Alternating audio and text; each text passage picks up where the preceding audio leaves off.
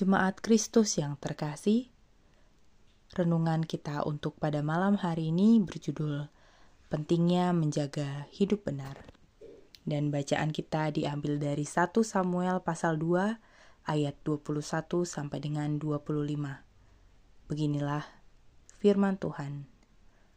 Dan Tuhan mengindahkan Hana, sehingga dia mengandung dan melahirkan tiga anak laki-laki dan dua anak perempuan lagi Sementara itu, makin besarlah Samuel yang muda itu di hadapan Tuhan. Eli telah sangat tua.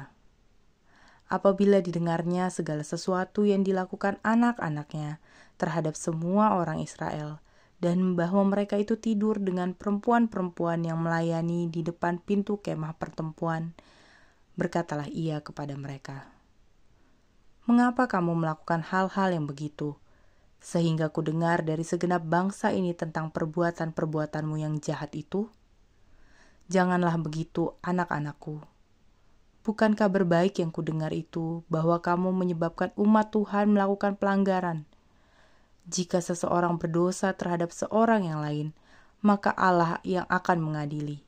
Tetapi jika seorang berdosa terhadap Tuhan, siapakah yang menjadi perantara baginya?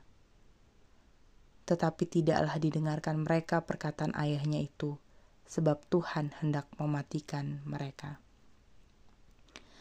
Dalam konteks hidup Yahudi, keluarga imam mendapatkan perlakuan khusus dan sekaligus menjadi teladan yang diperhatikan masyarakat. Tetapi hal ini tidak dilakukan oleh anak-anak dari Imam Eli. Seperti yang kita ketahui, anak-anak Eli tidak dapat menjadi teladan Bahkan mereka melakukan apa yang cemar di hadapan Allah dan masyarakat. Karena pengaruhnya yang begitu besar, ternyata apa yang dilakukan oleh anak-anak Imam Eli juga berdampak pada masyarakat secara luas. Di ayat 24 kita melihat, tampaknya apa yang dilakukan anak-anak Imam Eli diikuti oleh sebagian orang Yahudi karena menganggap mereka adalah panutan. Kita dapat melihat bahwa apa yang kita lakukan, terlebih bila kita memiliki kedudukan, akan diperhatikan oleh orang di sekitar kita, bahkan mungkin dijadikan role model oleh banyak orang.